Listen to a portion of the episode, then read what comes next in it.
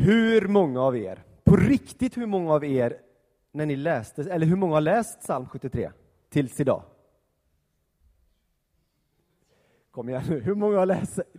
Var, var frimodiga ni som har läst, bara få se era händer. Det här, ja. Eh, hur många av er som har läst psalm 73 tills idag har tänkt, hur i hela friden kunde han välja den psalmen? Det finns 150 psalmer i Psaltaren och så väljer han den. Jag ska säga dig att jag tänkte så när jag i måndags läste salmen, bad över den. Har det blivit fel här någonstans? Och så tänkte jag ju givetvis, nej, det är Kristus som har skrivit fel psalm.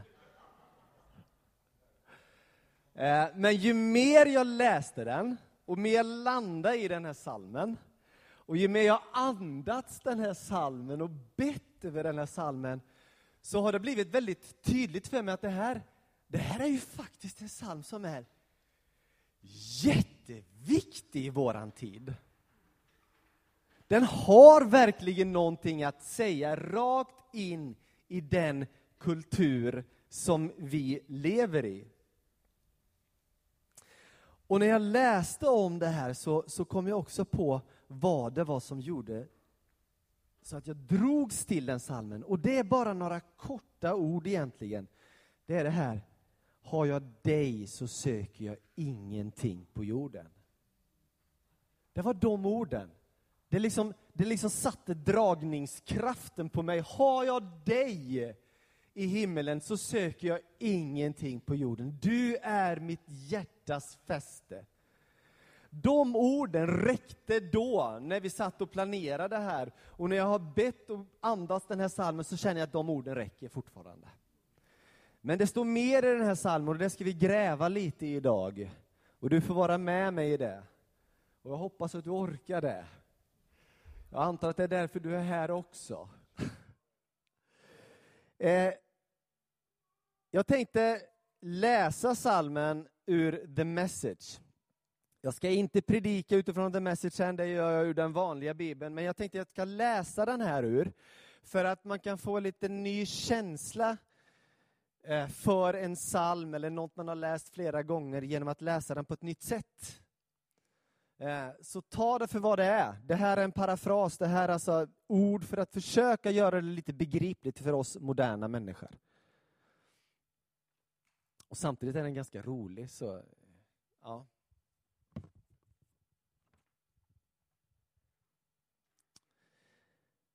Jag vet det. Gud är god.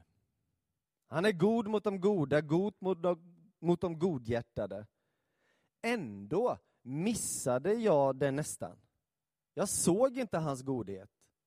Jag tittade åt ett annat håll, såg upp till människorna i toppen.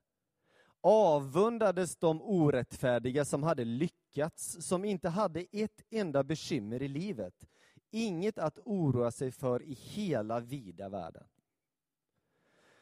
De är förmätna och högmodiga och följer våldets alla trender. De spökar ut sin bortklemade och feta kroppar i dumhetens sidenkravatter.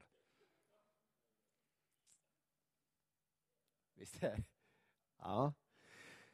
De hånler och dräper med sina ord, de armbågar sig fram med munnen, upplåsta som ballonger är de, pratkvarnar som tussar folk på varandra. Ändå lyssnar många på dem, otroligt nog. Som törstiga valpar lapar de i sig deras snack. Vad är det som händer?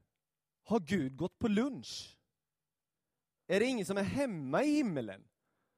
De ondskefulla kommer undan med allt. Det går bra för dem, de samlar skatter på hög. Jag, min idiot, har låtit bli att spela falskt, och vad fick jag för det? En lång, enda lång otursperiod, en örfil så fort jag stack näsan utanför dörren. Men ändå, när jag försökte förstå, så fick jag bara en bultande huvudvärk. Tills jag steg in i Guds helgedom. Då såg jag hela bilden. det sluttande planet som de halkar ut för tills de störtar i fördärvet. När jag var betryckt och bitter, förtärd av grönaste avund, då var jag korkad. Jag var trög som en oxe fast jag stod i din åsyn. Jag är kvar i din åsyn, men du håller min hand. Med vishet och ömhet leder du mig och sedan välsignar du mig. Du är det enda jag önskar i himlen, du är det enda jag önskar på jorden. När min hud blir skrynklig och benen sköra är Gud ändå trofast som berget. Jag står mitt i Guds åsyn och kan inte tänka mig något bättre. Hos Herren Gud är jag hemma.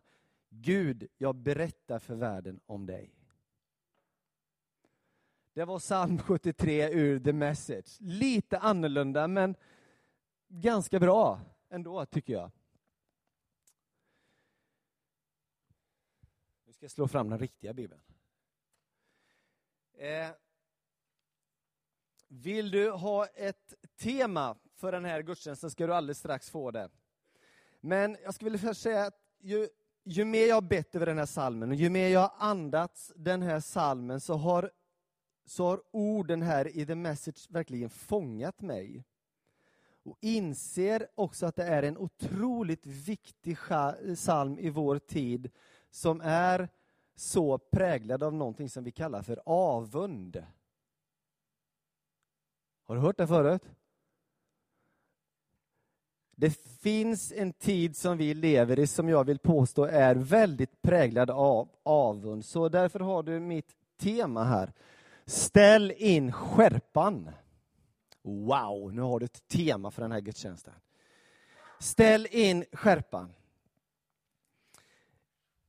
Det som satte mig på spåret eh, var någonting som hände i veckan. Jag var ute och gick i denna Guds underbara, ljuvliga, natursköna miljö som vi har. Och där fiskade jag fram min mobil för jag såg en helt nyutslagen vallmo nu är jag inne i den här naturromantiken igen, men ni får, ni får, ni får stå ut med det. Jag, jag tänkte att jag, ska ta ett, jag måste ta ett kort på den här vallmon. Den är så vacker. Ni vet alla hur den ser ut? Mm. Och jag böjde mig ner och, och liksom satte mig i höjd med vallmon och så tog jag ett kort med min mobil och så tittade jag hur kortet blev och så var det skärpa på det som ligger längst fram, inte på själva vallmon.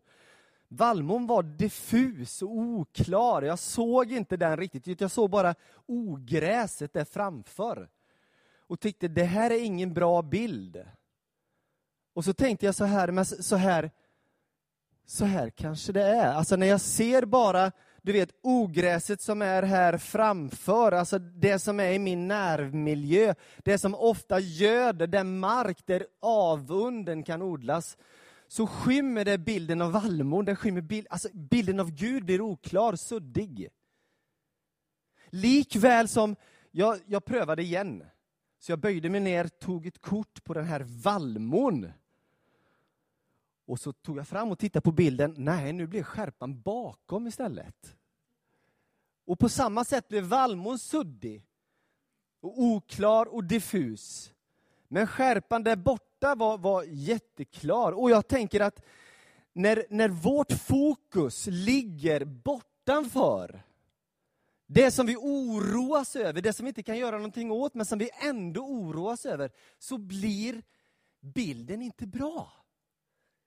Bilden av vallmon, bilden av Gud, blir ofokus, oskärpa. Bilder haltar, men, men det var i alla fall bilden som, som eh, hjälpte mig på traven. Och samtidigt så kände jag precis som den där vallmon som, som jag försökte ta ett kort på, som var där i mitten, inte framför och inte bakom, utan den var i mitten, så kände jag att Gud är i mitten. Gud är inte framför och inte bakom, utan han är här. Han är här. Och det ska vi ställa in fokus på idag, tänkte jag. Känns det okej? Okay? Bra.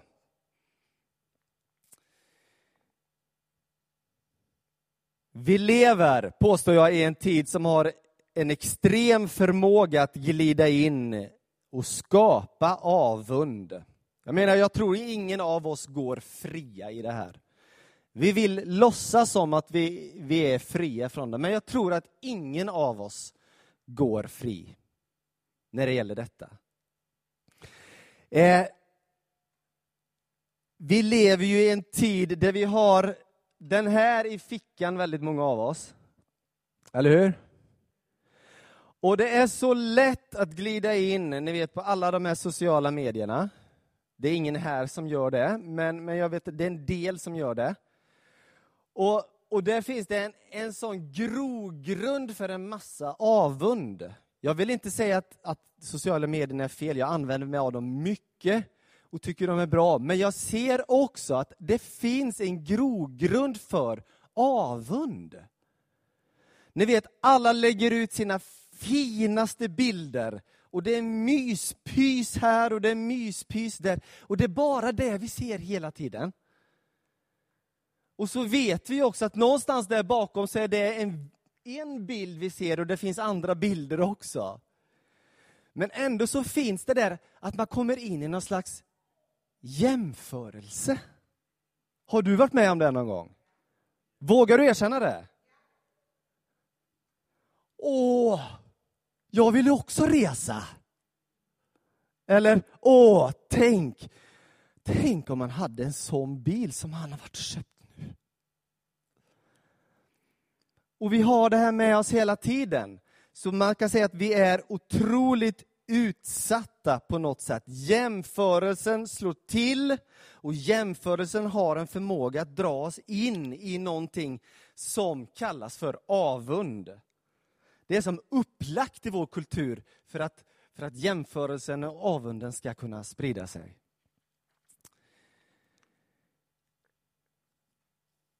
Ni vet, avund har ju den förmågan att skicka på oss en fruktansvärd sjukdom. Och den här känner ni till. Avundsjukan. När någon av oss får diagnosen att vi är, vi är drabbade av cancer, då uppsöker vi en läkare fort. Alltså, eller det har vi redan gjort när vi fått diagnosen, men då söker vi oss till läkarens hjälp. Och vi, vi är villiga att ta emot all hjälp vi kan få. Men jag vill påstå att avundsjukan är lika allvarlig som vilken cancer som helst. Det är ett påstående och jag vill påstå att det är sant. För vet ni varför? När avundsjukan har fått inträde genom jämförelsen i våra liv, så tar det inte lång tid förrän dess trogne vapenbroder, bitterheten, sätter sig där också. Det tar inte lång tid. De kommer alltid i tre. Det är som någon slags satanisk treenighet. Jämförelse, avundsjuka, bitterhet. De kommer där och de sätter sig och de intar och sätter sin färg på hela livet. Och dras, drar, har en förmåga, stark förmåga att dra oss väldigt djupt ner. Och ofta kommer ju de här tankarna, när tankarna får sväva fritt, så att säga, eller kanske fritt är fel ord. För när de är inte fria tankarna när de landar där, för tankarna är då väldigt inkrökta i mig själv. Och det är inga fria tankar. Det är allt annat än fria tankar. Det jag vet att Gud vill göra idag, det är att hjälpa oss ställa in skärpan. Jag vet att Gud vill hjälpa oss idag att ta itu med jämförelsens, avunden och bitterhetens trådar i våra liv.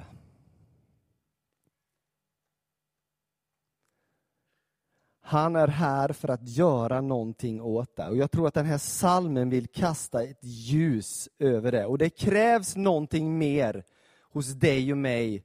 Det kommer vi förstå utifrån saltaren än en tankekraft eller en vilja. Nu vill jag inte tänka den här tanken. Det krävs att Gud gör någonting i våra liv. För så starka krafter är det. Paulus uttrycker det, här i första Korinthierbrevet 12.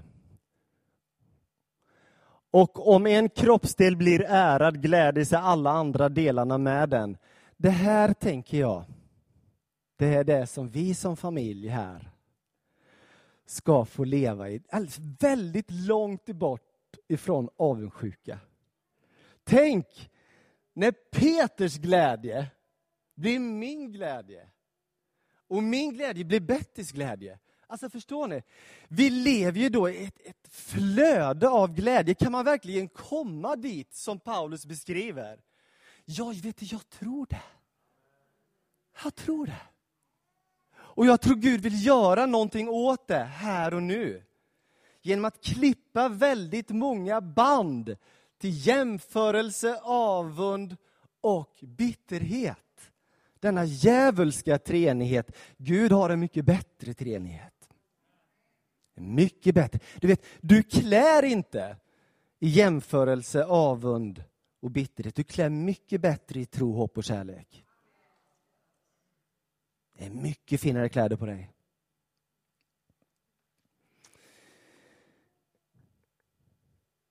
Nu är vi framme vid salmen. Gud är verkligen god mot Israel, mot dem som har rena hjärtan. Men jag var nära att snava med mina fötter. Mina steg var nära att slinta, för jag greps av avund, står det. Just det. Det här är en kille som heter Asaf som har skrivit den här salmen. Asaf var en levit. Han tjänade i templet på kung Davids tid. Han var ledare, körledare, sångledare i templet. Alltså, Asaf var den som ledde tillbedjan, all lovsång i templet under kung David. Här är en kille som är noga med, det första han gör är att sätta ett statement, sätta, slå fast någonting så vi aldrig tvivlar på just detta. Gud är god. Punkt. Och för att göra det med en fas så säger han, Gud är verkligen god.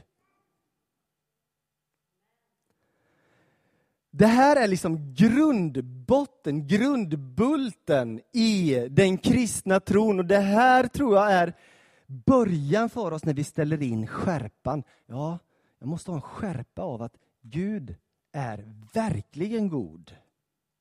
Gud är god. Det fanns en pastor, han lever inte längre, han hette Robert Schuller. Och han var metodistpastor i USA och han skrev, i, jag tror det var i slutet på 80-talet, en bok som blev en bestseller, verkligen. På New York Times och allting. Den hette Livet är inte rättvist, men Gud är god. Och, och det är faktiskt lite det det handlar om. En grundbult, Gud är god. Jag menar från skapelsens morgon. I första Mosebok, när Gud skapar, när Gud låter det, det komma till verklighet är som du och jag kan se och ta på, så säger han enstämmigt efter varje dag, han såg att det var gott. Alltså Gud är god. Allt det han gör är gott. När vi läser profeterna sen här i boken, så kan vi läsa om hur, hur de hela tiden säger att Gud är god, kom tillbaka, spring inte efter allt det här andra. Gud är god. När vi kommer in i Nya Testamentet så möter vi på Jesus i Nya Testamentet. Och ni vet, Jesus han sträcker ut sina armar och han dör för oss. Varför det? Jo, för Gud är god. För han vill dig och mig. När vi ser på Jesus så ser vi någon som gör någonting som bara är gott.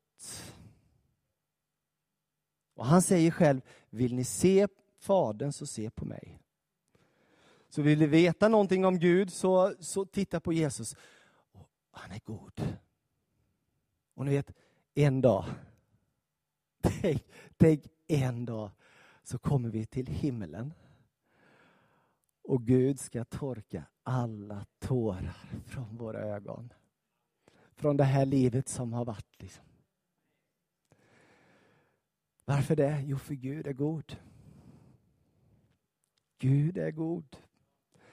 Gud är verkligen god, som Asaf säger.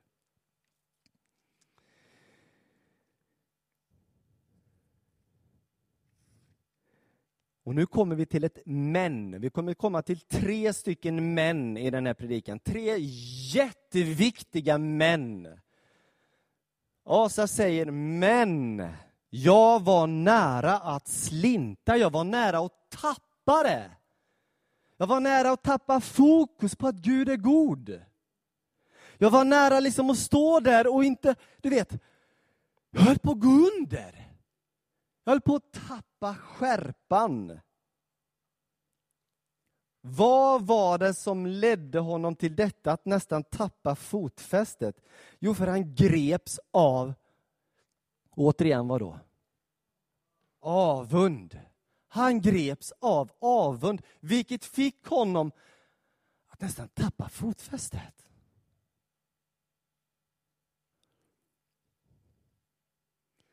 Han höll på att missa Guds godhet mitt i bitterhetens träsk, skulle jag vilja säga. När blev det så? Jo, när det blev ett skifte av fokus. Istället för Gud är god, varför? Ett skifte till att istället se på allt det runt omkring.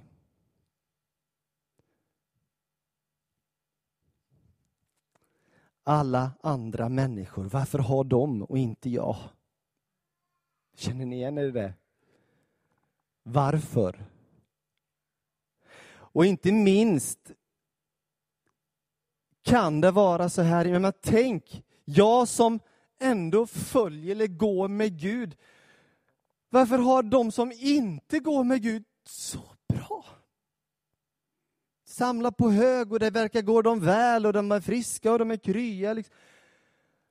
Varför? Gud, har du gått på semester? Alltså som vi läste i, i eh, The Message.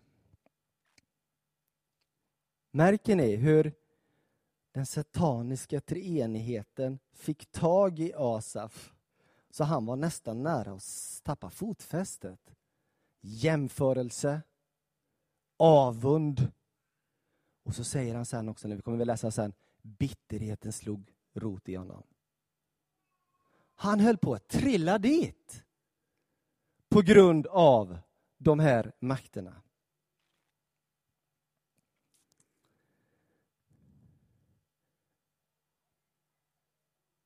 Så här skriver Paulus i Filipperbrevet. Jag säger inte att jag har saknat något, för jag har lärt mig att vara nöjd med det jag har. Jag kan leva enkelt. Jag kan också leva i överflöd. Med allt och med alla förhållanden är jag förtrogen. Att vara mätt och att vara hungrig, att ha överflöd och att lida brist. Alltså, Paulus ger uttryck för någonting här som han har lärt sig. Är du med på den? Det här är ingenting som bara liksom paff har det kommit ifrån himlen som en uppenbarelse och sen sitter det där. Han har lärt sig någonting. Jag tror precis som för dig och mig så är det ingen skola han har kanske tyckt om, men han har lärt sig någonting. Och kunna leva både i överflöd och i brist. Ni vet, jag tror inte det finns någon per automatik att när vi följer Gud så välsignar han oss med rikedom som vi lägger på. Nej, nej, nej, jag tror inte på det. Jag tror att han kan göra det. För att vi och vår tur ska välsigna andra. Absolut.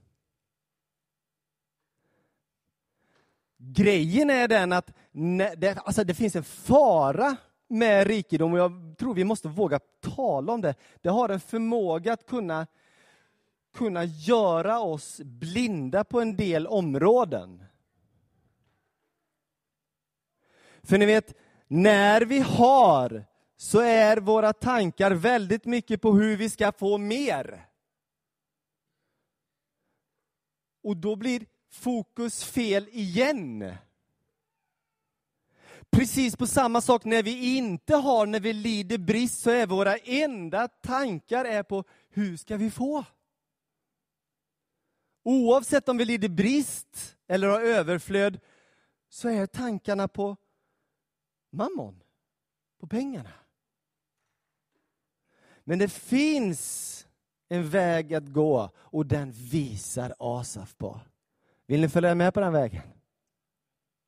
Jag tror att det här är en konungslig väg. Jag tror att det är en fantastisk väg för dig och mig att kunna få gå på.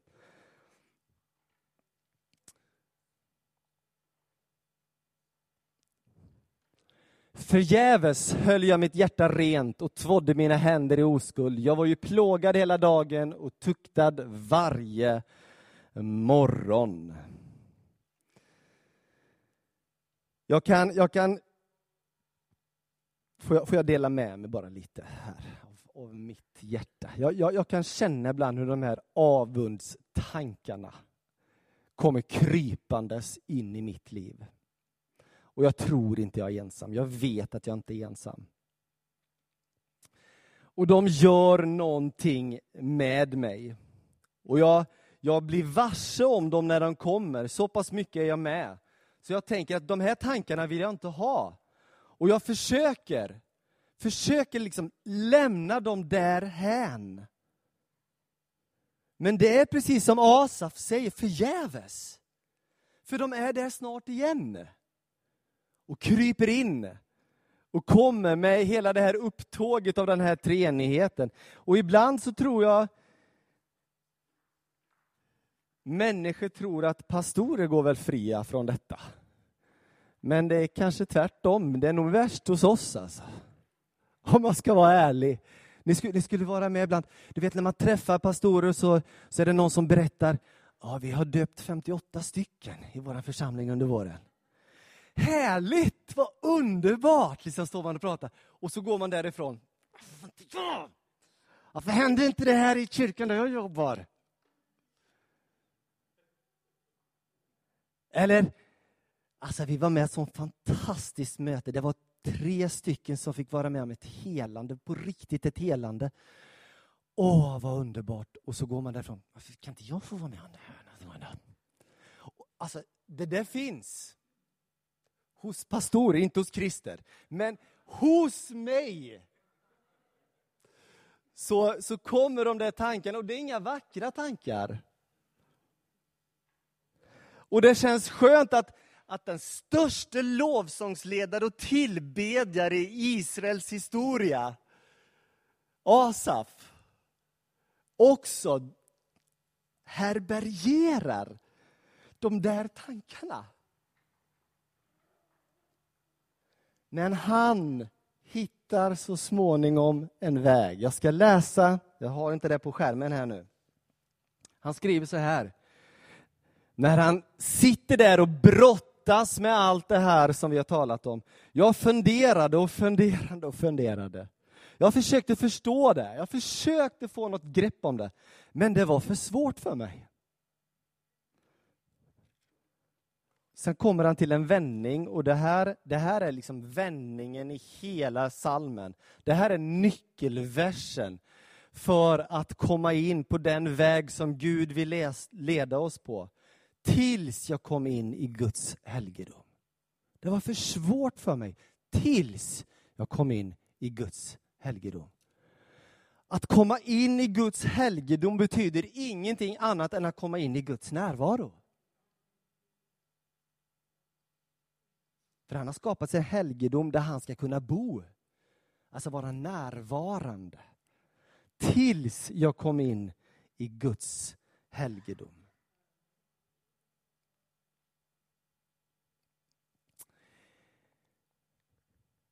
Jag har lyssnat en hel del på en, eh, en kille som heter Brian Head Walsh.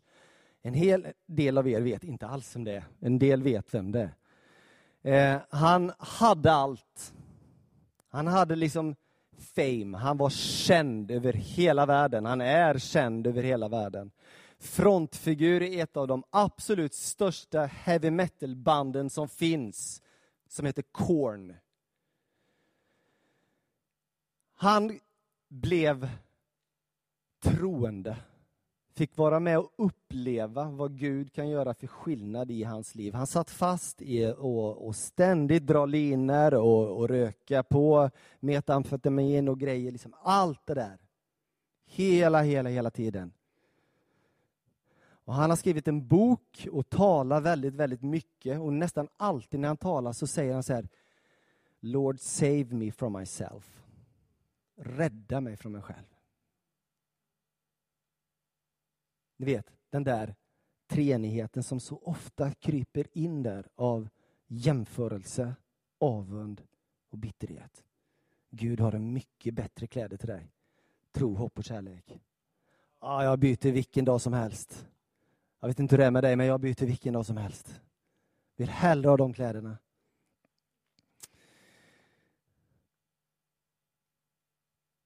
Det här är vad avunden gör med oss. När mitt hjärta var bittert, som avund leder till, då stack det i mitt inre. Jag var oförnuftig, du förstod ingenting. Jag var som ett djur inför dig. Alltså det här är vad som händer när det andra får styra över våra liv och sätta sin färg på vårt tänkande, sätta sin färg på vårt handlande, sätta sin färg på våra känslor. Jag blir dum i huvudet. Ja, men det är ju det här det säger. Man snärs in i någonting som du inte behöver leva i. Gud kallar dig till ett högre plan.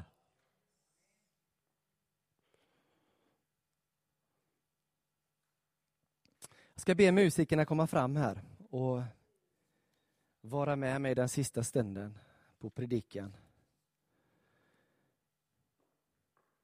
Det kommer ett andra män. Men jag är alltid hos dig. Han har kommit in i helgedom, han har kommit inför Guds närvaro, men jag är alltid hos dig. Du håller mig i min högra hand. Du leder mig med ditt råd och tar sedan emot mig med ära. Lyssna på det. Så du står där med dina tankar och dina känslor och ditt handlande och där finns det en Gud som vill möta dig. Och hur vill han möta dig? Han vill möta dig med ära. Tänk att han är här idag. Som sträcker ut sina armar till dig för han vill möta dig med ära. Han vill ära dig.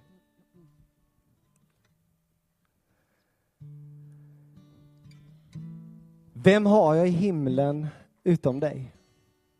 Har jag dig så söker jag ingenting på jorden. När min kropp och mitt hjärta ger upp är Gud mitt hjärtas klippa och min lott för evigt. Kan man bli så gripen, så tagen av Gud så att man kan säga, har jag dig så saknar jag ingenting på jorden. Vet ni, jag tror det. Och jag tror att det här är en dag då Gud vill låta oss smaka på just det. Då han vill hjälpa oss att, att skifta fokus.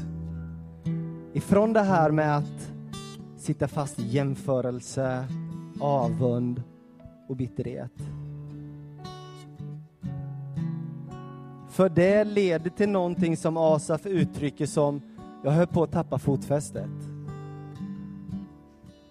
Och Gud vill inte att du ska tappa fotfästet, han vill att du ska stå stadigt. Och han tar emot dig med ära. Ni vet, jag refererade till Westminster-katekesen här i söndags. Och det står ju så här där, människans främsta syfte är att förhärliga Gud och njuta av honom för alltid. Och och jag bara ber att vi ska få komma dit, allihopa. Att få ära Gud och få njuta av honom för alltid. Jag tror att Gud vill klippa trådar idag av jämförelse och avund och bitterhet och få oss att sätta ett nytt fokus på han som verkligen är god. För han är här. Det sista männet men för mig är det gott att vara nära Gud. Jag tar min tillflykt till Herren, Gud, för att förkunna alla dina gärningar. Alltså han har kommit till den punkten, Asaf. Han har gått igenom de här, det här snärjiga... Ja. Men nu står han där och säger det är så gott att få vara nära Gud. Ska vi bara ställa oss upp allihopa?